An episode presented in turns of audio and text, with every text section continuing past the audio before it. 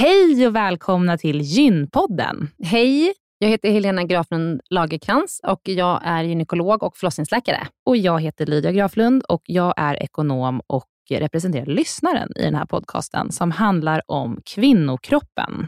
Det är vetenskaplig fakta om kvinnokroppen och det du hör i den här podden är det som man kan höra om man får träffa en läkare eller en barnmorska i ett eh, möte. Men ibland så bjuder vi in gäster som berättar om sina personliga erfarenheter och ibland är det också spekulation, men då är det verkligen tydligt att det är spekulation. Annars är grunden för den här podden vetenskaplig fakta om kvinnokroppen. Så är det. Hoppas att ni vill lyssna. Välkomna. Välkomna.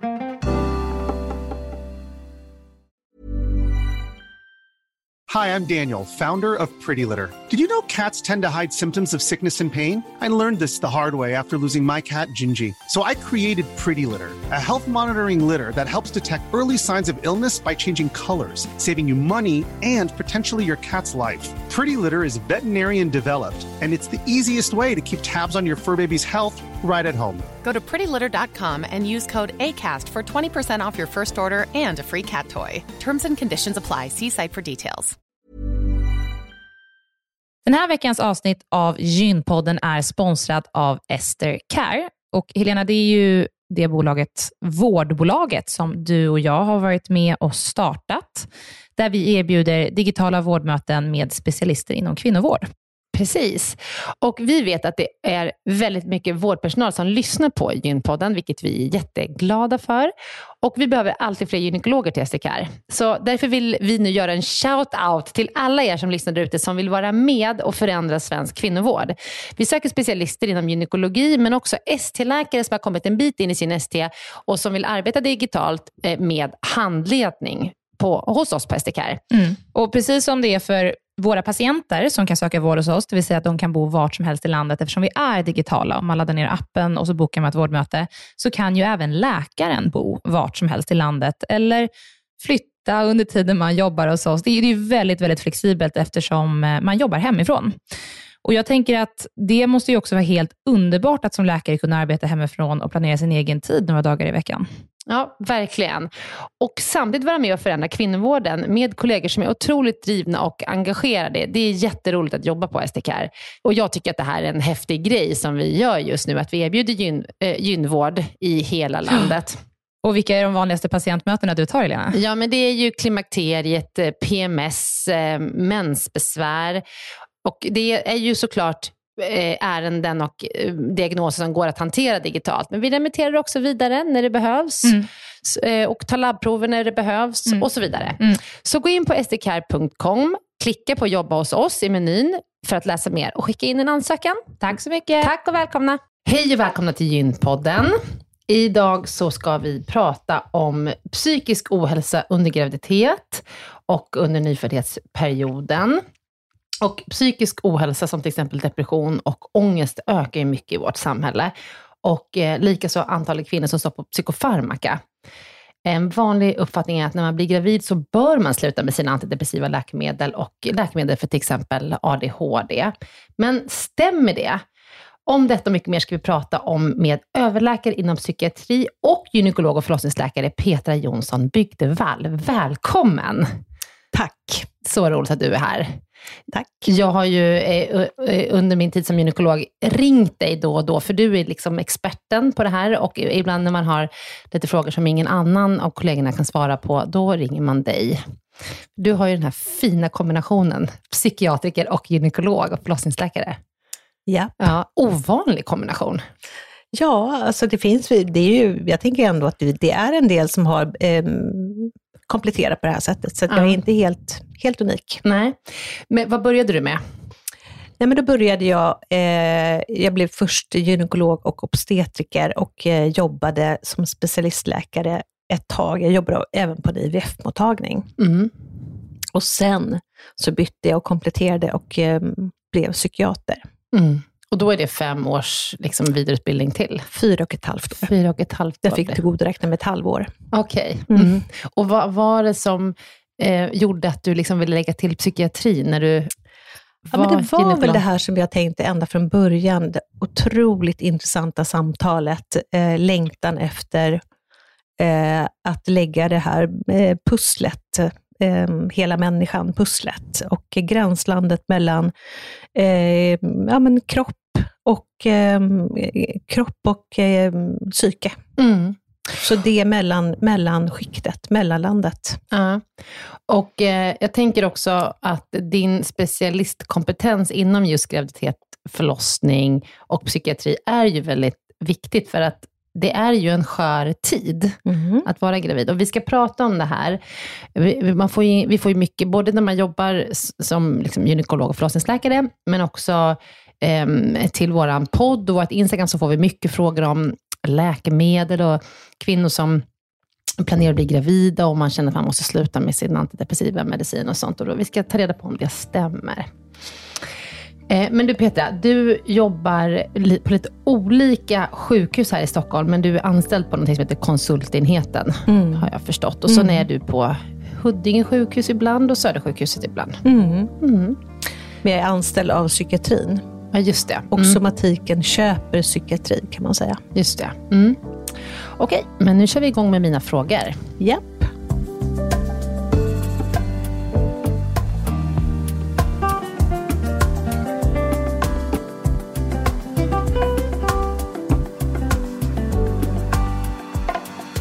Varför är graviditet och nyföddhetsperioden så extra känsliga perioder när det kommer till psykisk ohälsa? Mm. Jag tänker att det är många orsaker som eh, kan ligga bakom det, men dels det här unga, eh, den här tidiga vuxenåldern eh, är ju en tid som många psykiska sjukdomar debuterar i. Depressioner, bipolär sjukdom kan debutera där och ehm, ja, men psykossjukdomar kan också vara ung vuxen ålder. Så att det är en tid eh, i sig när man kan bli psykiskt sjuk. Eh, och sen så har man ju det här, det andra är ju, tänker jag då, att eh, man brukar prata om en tidpunkt i livet eh, när man skaffar barn, när man är eh, psykologiskt väldigt skör.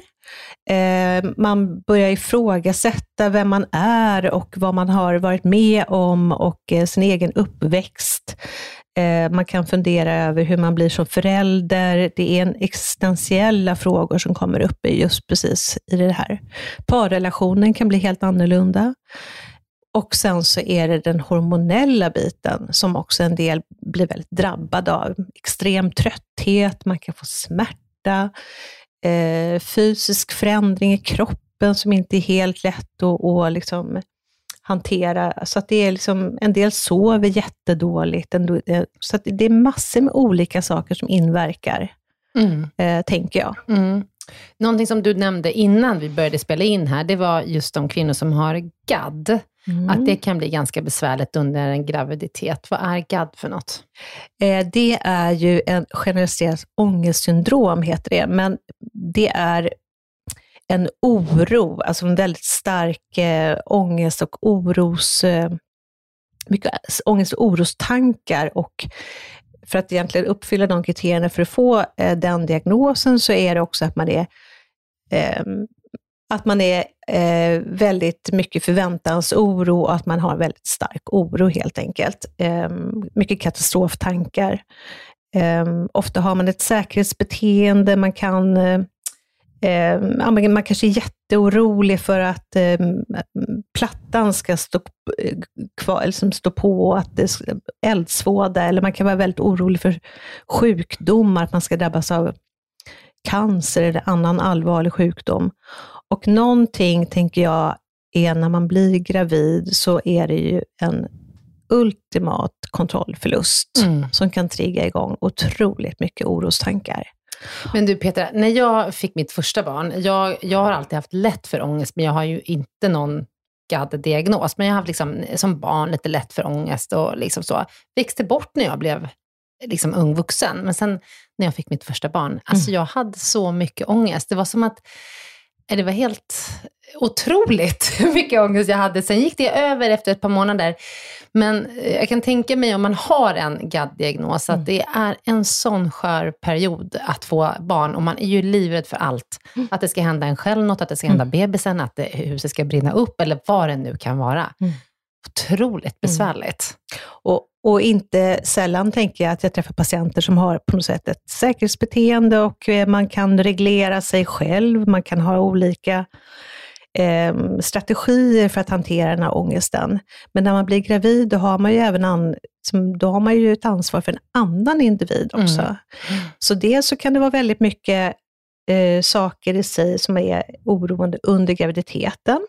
Man är orolig för förlossningen, man kanske är orolig för andra saker som, har, eh, som kan inträffa, men sen så kan det också vara efter förlossningen, att den här oron förflyttar sig till, till barnet. Tänk om barnet slutar andas, tänk om det sätter i halsen, tänk om det blir sjukt. Alltså det, det är nästan så att det inte går att härbärgera, tänker jag, för vissa patienter. Vad ska man göra då? Då tänker jag att man ska söka hjälp. Det finns fantastiskt fin hjälp att få. Dels så finns det eh, KBT som man kan få via vårdcentralen oftast. Första linjen psykiatri är jättebra på det här. Eh, det finns också läkemedel man kan ta. Mm. Är det antidepressiva det läkemedel? Det är antidepressiva läkemedel. De här vanligaste läkemedlen som mm. kallas SSRI-läkemedel kan vara hur eh, potenta som helst. Och de går bra att ta när man ammar? De går jättebra att ta när man ammar. De går också jättebra att ta när man är gravid. Mm. Precis, då kan vi gå in på det med om man står på ett antidepressivt läkemedel och vill bli gravid, eller är tidigt gravid, hur ska man tänka kring det då? Inte helt lätt att svara på, men eh, generellt ska man väl alltid tänka på de här vågskålarna. Hur är det? Vad är fördelen och vad är nackdelen? Det ska vara evidens, tänker jag, kring det här och man kan ha ett evidenstänkande. Man vet att eh, om, vi säger så här att du vet att du kommer bli sjuk, eh, att du kommer återinsjukna, kanske i depression, om du sätter ut ditt läkemedel, då får man liksom lägga det i vågskålen. Och vad innebär det då att bli sjuk i depression? Man kanske hamnar liksom i ett riskbeteende, man kanske får andra eh, behov av att dämpa sin ångest. Eh, det kan vara så att man får svårt att somna. Eh, det kanske är så att man får relationsproblem, man kanske inte klarar av att gå till arbetet, man kanske får andra typer av funktionsförluster. Eh, det kanske är så att man inte längtar efter att bli förälder. Man kanske, ehm, man kanske blir orolig, man kanske, man kanske hamnar i en depression och det kan bli svårt med anknytningen. Hela den biten måste man liksom väga in eh, mot eventuella risker med att ta det här läkemedlet. Mm. Och det är också olika på olika sorters läkemedel, så det här är inte helt lätt. Så det här tänker jag att man behöver ha en person att bolla med och ställa frågor till. Och gärna, om det är möjligt, det är absolut inte alltid det är möjligt, men eh, helst ska man ju ha gjort den här planeringen innan man är gravid. Mm. Men det är ju lättare sagt än gjort. Mm har vi inte ändå haft den vanligaste läkemedelsgruppen, det som kallas då SSRI, haft, att vi har haft det så pass länge att man vet att det är säkert att ta det under graviditet? Jo, det kan man absolut säga. Och det vanligaste är ju eh, då sertralin och escitalopram. Det är egentligen de två läkemedlen som man brukar rekommendera när man är gravid eller när man planerar en graviditet. Och de anses ju eh, vara helt ofarliga faktiskt. Mm kommit lite andra läkemedel också. Det är ett som jag stöter på då och då som heter Brintelix. Jag känner inte till det särskilt väl, men det är också ett ganska nytt antidepressivt mm. läkemedel, eller hur? Hur kan man stå på det om man är gravid? Eh, Brintelix är ju ett förhållandevis nytt läkemedel och eh, det är ju, lanseras ju framförallt därför att det är ett, ja, men ett relativt potent läkemedel, antidepressivt läkemedel, som inte ger sexuella biverkningar. Eh, och därför så har det blivit väldigt populärt. Eh, det man kan säga det är att eftersom det är ett relativt nytt läkemedel så är det inte någonting som man med säkerhet kan säga att det är ofarligt. troligtvis är det det, men det är fortfarande så väldigt få studier eh, kring det här läkemedlet, så att det är svårt att rekommendera det. Mm, jag förstår.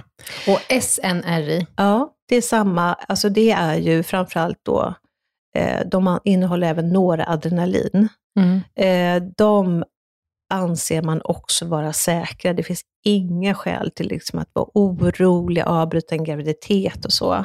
Men det är inte förstahandsläkemedlen som man sätts in på. Nej. Utan det är när man kanske har provat ett läkemedel, ett vanligt SSRI, och så man kanske har provat SSRI-läkemedel nummer två, som inte heller fungerar eller ger effekt. Då går man in på SNRI-läkemedel. Just det. Mm. Och det är framförallt då Venlafaxin och Cymbalta. Mm.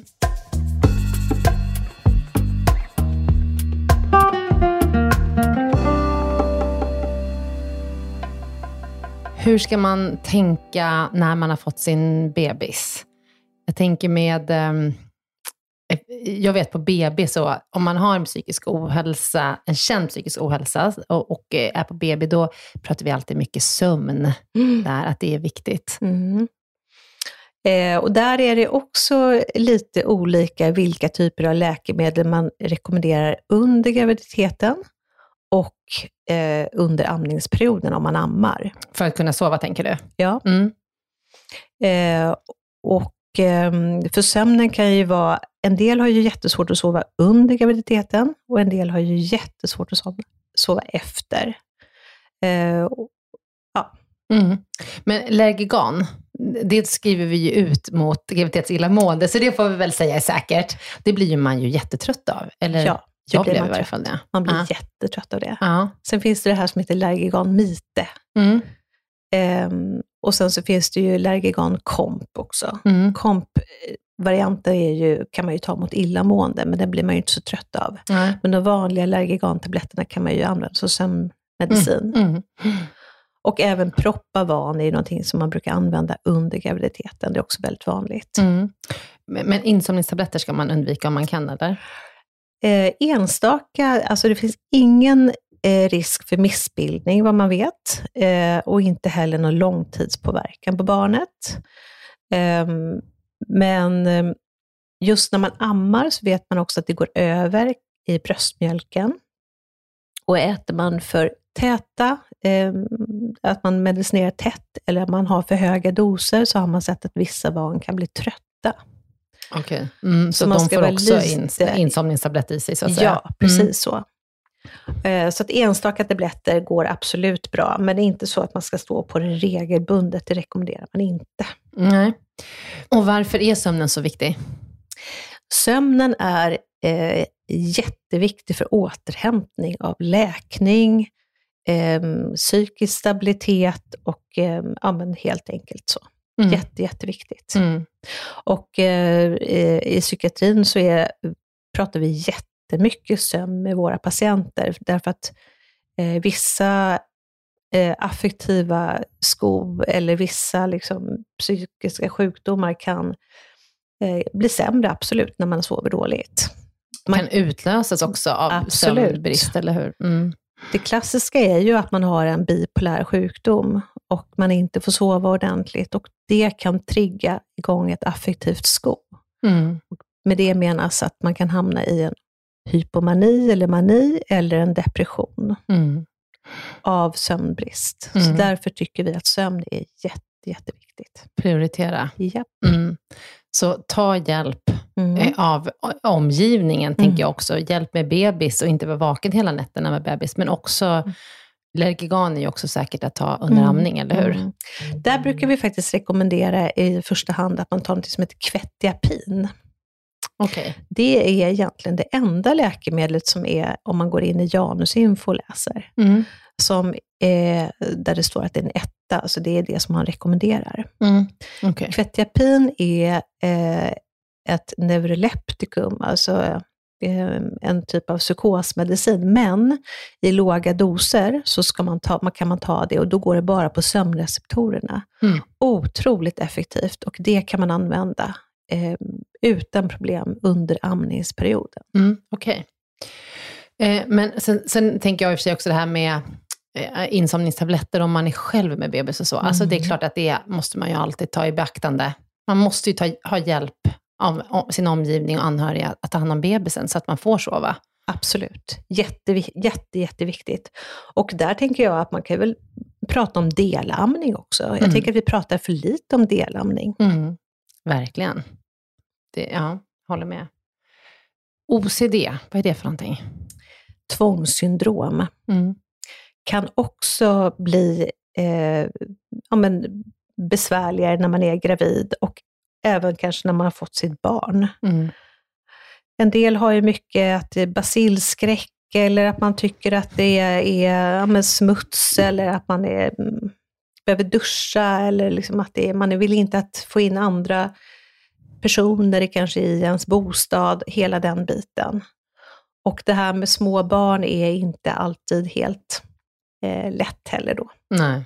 Utan det kan också triggas igång. Mm. Finns det bra hjälp för det? Det är precis samma sak där. Där tänker jag att man ska söka hjälp. Antingen så finns det otroligt fin eh, internetbehandling som, som är tillgänglig för, för alla var man än bor i, Mm. i hela Sverige. Mm. Eh, så att eh, internetbehandling kan jag verkligen rekommendera. Och det är ju terapi. Mm. Jättefin KBT Mm. för det här. Och sen så eh, tänker jag också att man kan eh, få hjälp via vårdcentralen, eller alltså första linjens psykiatri, eller man kan också ringa till någon psykiatri. Eh, och det är samma sak, det är SSRI-preparat eh, som har väldigt, väldigt god effekt. Mm. Jag tänker att där, det är väl liksom lite gruppen ångest, depression ehm, och eh, det här OCD. Det är lite samma grupp, eller hur? Ångestsjukdomar. Ångestsjukdomar. Mm. Om vi går vidare och pratar om ADHD, graviditet och amning. Först och främst, finns det någonting som visar på att en ADHD mm, eh, blir sämre av graviditet? Nej. Nej. Amning då? Alltså i nyföddhetsperioden, kan den bli sämre? Du menar att själva ADHD blir Ja. sämre? Ja, att man får liksom mera funktionsnedsättning. Alltså egentligen inte sjukdomen i sig, men, men allting är ju, det är ju symptom. Mm. Alltså, det är klart att det är, kan bli ännu större belastning på om du har liksom exekutiva svårigheter eller att du har liksom svårigheter med strukturen eller kanske komma igång med saker och ting. Så det är klart att det här kan ju också ställa krav, alltså ännu högre krav på liksom struktur och passa tider och när man Mm. har ett litet barn. Mm. Eh, och det kanske är också så att det är viktigare att du gör det. Mm. Eh, så det är klart att det, det kan bli en extra belastning. H- Hur ska man tänka kring om man på en medicin mot ADHD? Vilka är de vanligaste? Ah, Det, det vanligaste är ju Concerta, Mm. eh, eller som jag kan tycka nu är ju det kanske ännu vanligare att man, att man står på Elvanse. Mm. Eh, det är, typ, det är t- två olika sorts liksom, läkemedelsgrupper. Mm. Eh, det här är inte helt lätt att svara på. Det finns lite olika skolor och det finns inga tydliga riktlinjer som Socialstyrelsen har kommit ut med. Eh, så det finns lite olika grupperingar även inom läkarkåren. Mm. Vad man tycker kring det här. Ska Mm. man stå på det eller ska man inte stå på det under graviditeten? Mm. Och samma sak, ska man, eh, kan man amma med det här eller inte? Så att, lite beroende på vem du frågar. Mm. Jag har förstått det också, att det är lite olika. Men då tänker jag ändå att det finns, eh, att det finns forskning som tyder på att det är mm, godkänt. Liksom. Allting tyder på det, Ja. men det är inte så att man har gått ut med sådana riktlinjer. Nej. Eh, och, eh, men där tänker jag också att man får ha de här vågskålarna hela tiden. Får du för mycket en stor funktionsnedsättning så att du inte klarar av att gå till arbetet, att du eh, får problem med dina relationer, att du liksom inte kan eh, ja, men hålla din struktur, då tänker jag absolut att man ska liksom kunna motivera en sån Mm. men, men som med alla läkemedel under graviditeten så är det ju minsta möjliga effektiva dos. Mm. Och det ska finnas evidens. Man ska inte stå på läkemedel som inte fyller någon funktion, Nej. bara för att man har stått på det i tio år, utan allting ska liksom vara ja, men evidensbaserat tycker jag. Mm. Ja, och amning. Vet du? Eh, samma sak där, men där är det ju faktiskt så att nu, nu har man ju ändå släppt om man går in på Janusinfo, för det är det man ska gå på. Man ska inte eh, gå på det som står i FASS. För det, i fast får man nästan inte amma på någonting. Nej, så är det. så där tittar vi inte. Nej. Nej. Men i Janusinfo, om man, om man läser på där, då, då står ju faktiskt det att Concerta och Ritalin kan man faktiskt amma på. Mm. Elvanse är fortfarande lite mer eh, tveksamt om man pratar med barnläkarna. Eh, de tycker att de barnen kan vara lite mer lite pigga, lite rastlösa, lite eh, svåra att mata. Men, men det där är också på någon... Där kan man också fundera på delamning och jag menar, är det ett friskt, fullgånget barn så, så kanske det går jätte, jättebra att amma också. Men man får vara lite mer extra liksom, observant på symptom hos barnet, åtminstone när det är liksom helt nyfött. Mm.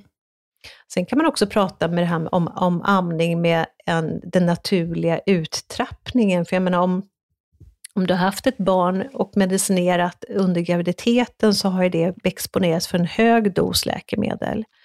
Ammar du sen, då blir det en långsam uttrappning. För du har ju Mm, just det. läkemedlet i bröstmjölken. Mm. Och, så att de där utsättningssymptomen som barn kan få när, liksom, i samband med förlossningen, de kan ju minska om du liksom ammar ditt barn. Då liksom trappas det långsamt ut. Mm. Så det behöver absolut inte vara dåligt. Nej. Life is full of what ifs. Some awesome, like what if AI could fold your laundry? And some, well, less awesome, like what if you have unexpected medical costs? United Healthcare can help get you covered with Health Protector Guard fixed indemnity insurance plans. They supplement your primary plan to help you manage out of pocket costs. No deductibles, no enrollment periods, and especially no more what ifs. Visit uh1.com to find the Health Protector Guard plan for you. Hi, I'm Daniel, founder of Pretty Litter. Cats and cat owners deserve better than any old fashioned litter. That's why I teamed up with scientists and veterinarians to create Pretty Litter. Its innovative crystal formula has superior odor control and weighs up to 80% less than clay litter. Pretty Litter even monitors health by changing colors to help detect early signs of potential illness. It's the world's smartest kitty litter. Go to prettylitter.com and use code ACAST for 20% off your first order and a free cat toy. Terms and conditions apply. See site for details. Veckans avsnitt av Gynpodden är sponsrat av mittpreventivmedel.se som är en informationssida från Bayer. Mm. Jättebra informationssida. Eh, den, den är full av information och material för att du på bästa sätt ska kunna välja vilken preventivmedelsmetod som passar dig allra, allra bäst. Och Det vi tänkte prata om idag det är att det finns något som heter samtalsguide Mm. på den här sidan. Mm. Och Det är ett formulär där man har, får en massa frågor, till exempel så här, att komma ihåg att ta med preventivmedel dagligen är inget problem för mig, eller ibland svårt, Mm. eller inte min grej Mm. eller eh, om jag blev gravid nu och så vidare. Liksom. Så att man får kryssa i en massa frågor och ta ställning och fundera innan du Mm. träffar din gynekolog eller barnmorska, så att du liksom verkligen får med alla frågor som är viktiga för dig i det där mötet. Ja. Så man kan fylla i den på den här hemsidan, så kan man skriva ut den här blanketten och ta med den. Ja. Jag skulle säga att, att det verkar som att det är framförallt fyra kategorier som Mm. är väldigt viktiga. Och sen, Mm. så, sen så spelar det ju in vad du har tagit innan och hur det funkat för dig och, Mm. sådär, och din historik. Men det verkar ju som att det handlar mycket om hur liksom ordningsam man är, eller hur strukturerad man är, att kunna ta någonting dagligen. Mm. Eh, hur viktigt det är att man inte blir gravid. Mm. Eh, användning av hormonella preventivmedel eh, och om man vill påverka sin menstruation på något sätt. Mm. Så det verkar som att det är de fyra kategorierna som man, man bör fundera på innan Mm. man väljer ett preventivmedel. Man får bra guidning i hur man ska svara på de här, eh, med olika kategorier, olika svar. Och Sen så tar man med sig det till sitt möte med barnmorska och gynekolog och då är man väl förberedd. Mm. Och Jag lovar er att om ni gör det här innan ni går eh, till en barnmorska eller gynekolog, då kommer ni få mycket bättre hjälp. För att det här är liksom ingenting som bara finns i en, utan man måste liksom fundera lite på Ja. så här, vad är viktigt för mig. Vill jag ha mens eller inte? Ja. Och så vidare. Så gå in på mittpreventivmedel.se och titta runt där och gör den här eh, ja, i samtals, ja, samtalsguiden. samtalsguiden. Ja.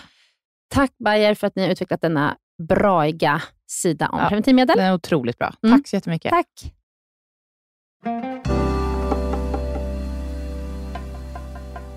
Jag tänker en annan grupp kvinnor som är eh, sköra under graviditet, men framförallt efter förlossningen, är ju de som har bipolär sjukdom. Mm.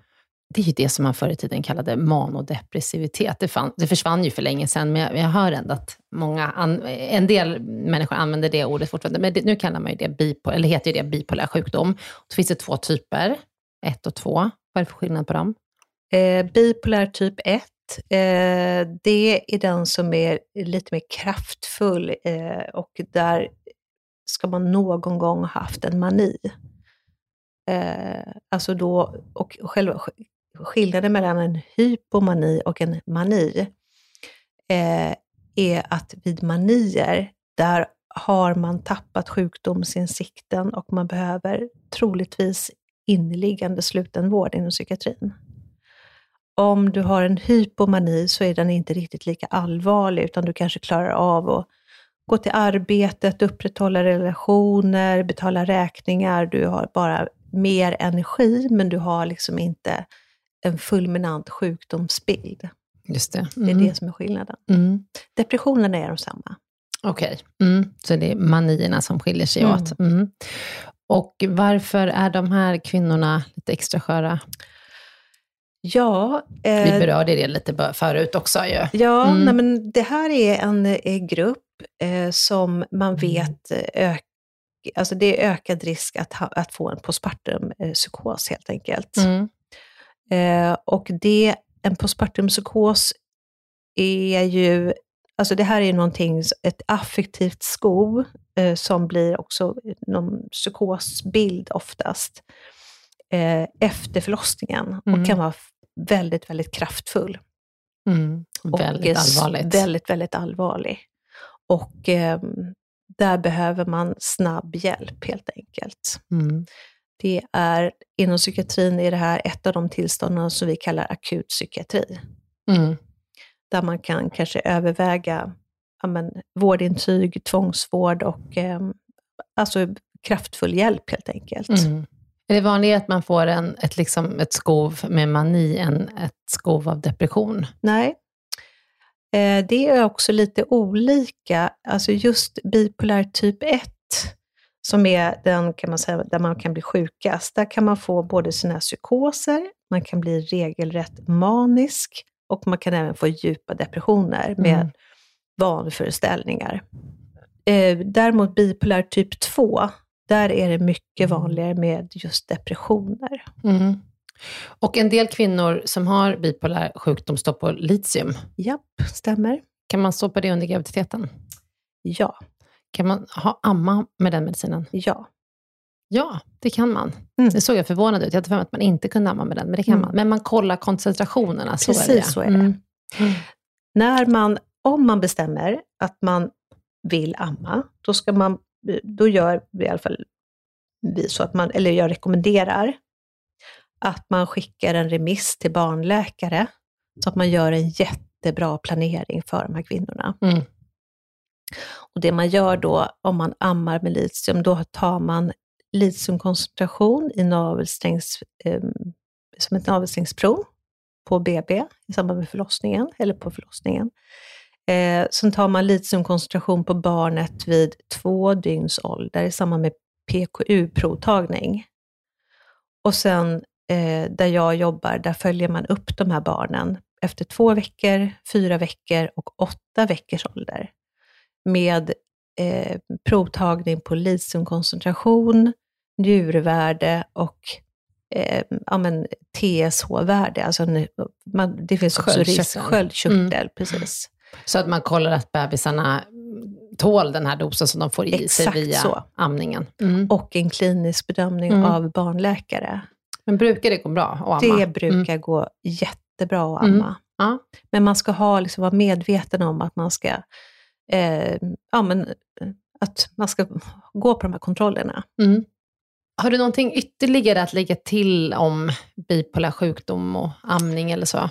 Ja, men det jag också tycker och tänker kring den här gruppen, det är att om man vet att man är väldigt, väldigt känslig för eh, sömnbrist, då kanske man ändå ska överväga att inte amma. Mm. Alltså just för den delen. mm. Eh, det är också väldigt skönt att kunna lämna över det till en partner. Man kan dela på det. Eh, och att man kanske kan sova varannan natt.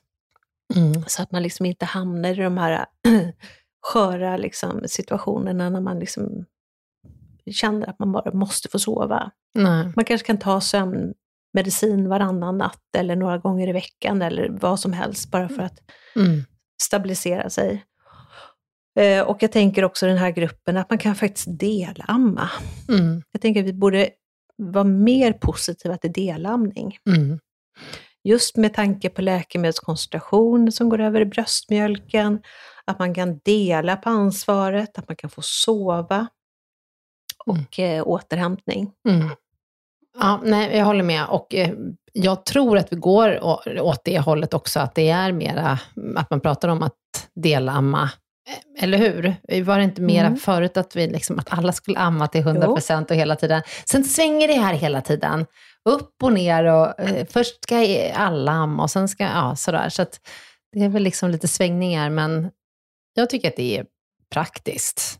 Inte bara för kvinnor som har en psykisk sjukdom, utan klart att funkar det bra med amningen och så här, men en del, amningen driver ju en del kvinnor till vanvett. Man kan ju bli galen liksom, av att det inte funkar om man aldrig får sova och det gör ont och det är bölder och, och sen så är man på något sätt nästan pressad till att amma hela tiden. Så att alltså, delamning är jättebra. Mm. Absolut, jag Mm. håller verkligen med. Eh, och där vet jag att barnläkarna brukar säga att eh, om det är så att man eh, vill att barnet ska kunna ta flaska, då brukar man rekommendera att man introducerar flaska eh, ungefär vid en, en till två veckors ålder. Mm, okej. Därför att det är som ett fönster när, när barnen, eller de här späda barnen, när de suger på allting. Mm. Mm. Så att eh, man kan börja att amma och sen introducerar man flaska just vid ett, en till två veckor. Mm. Eh, så att har, man, har de väl lärt sig att ta nappflaska då, då kan man liksom både amma och mata på flaska och det är väldigt, väldigt praktiskt. Mm. Precis. Så, och, och, sen, och då blir man ju orolig att man, om man tar på flaska, att man ska sluta ta bröstet. Ja, Det är det man alla är lite- introducerar, exakt. Ja, det är det alla är men man kan, i- man kan introducera flaskan bara Mm. lite, men inte bara flask. Alltså om man vill fortsätta, vid- och for, vill Ah. fortsätta amma så kan man ändå göra det. Mm. Men eh, Mm. Delamma. Det slår vi ett Delamma. slag för.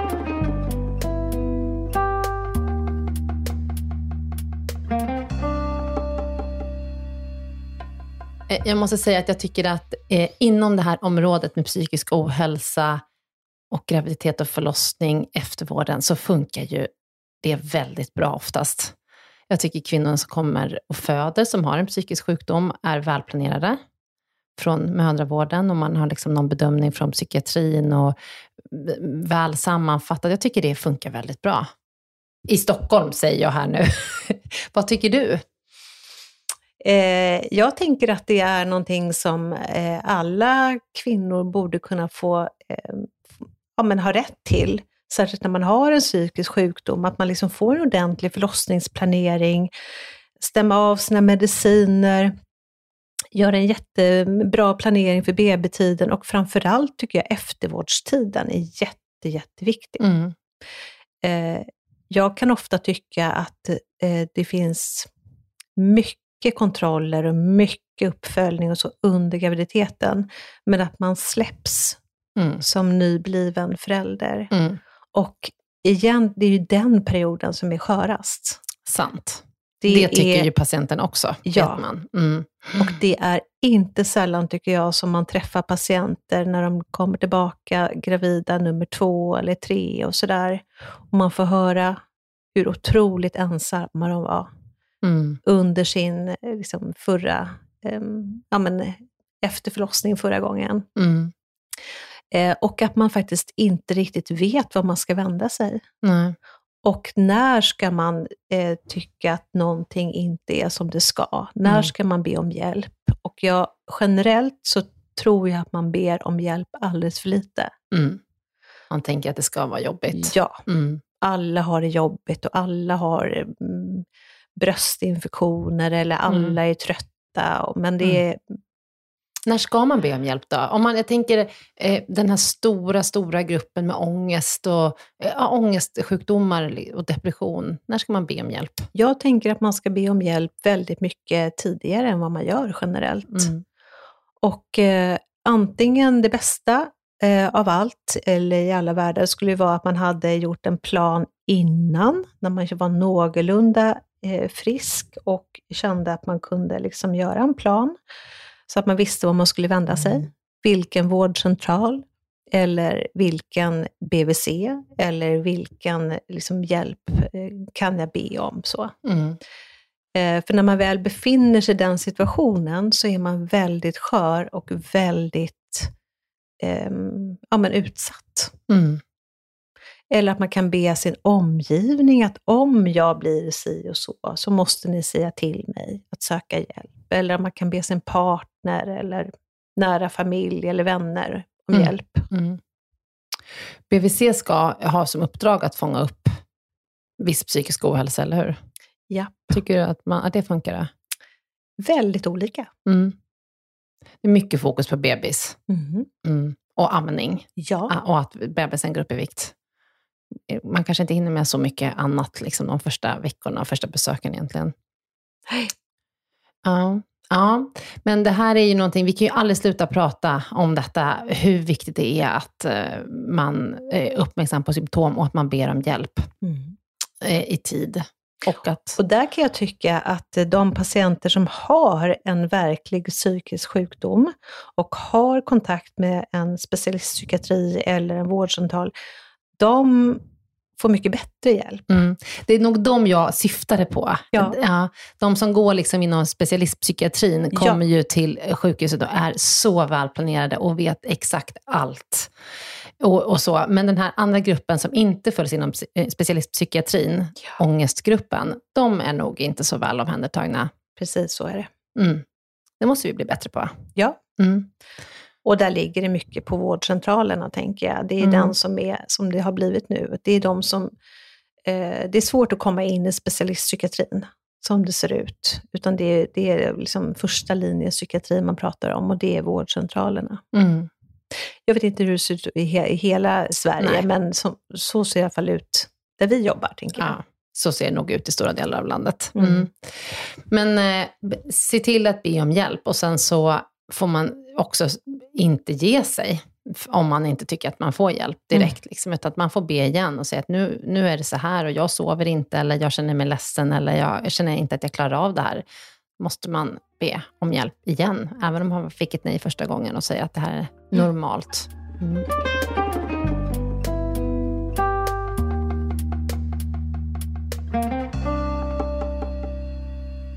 Tack snälla Petra för att du kom hit. Du åkte genom köer i Stockholm Ja. vet jag för att ta dig hit. Jag är så tacksam för det. Du, du, träffar, ju, du träffar ju ganska sju- sjuka kvinnor, eller hur? Ja, det gör jag. Men att det här är ett väldigt vitt och brett problem. Ångest och eh, liksom de- depressionssjukdomar under graviditet och förlossning och eftertid, eftervårdstiden är jättevanligt. Mm. Att man är uppmärksam på symptom, tänker Mm. jag. Det vill jag skicka ut. Mm. Man inte skäms för det. Mm. Man inte tycker att det är Absolut. pinsamt att man, har, att, man inte, att man inte var starkare än så. Det är vanligt. Ja. Mm. Väldigt, väldigt vanligt. Mm. Mm. Tack Petra, och Ja, men på återseende. Ja, Ja. Hej då!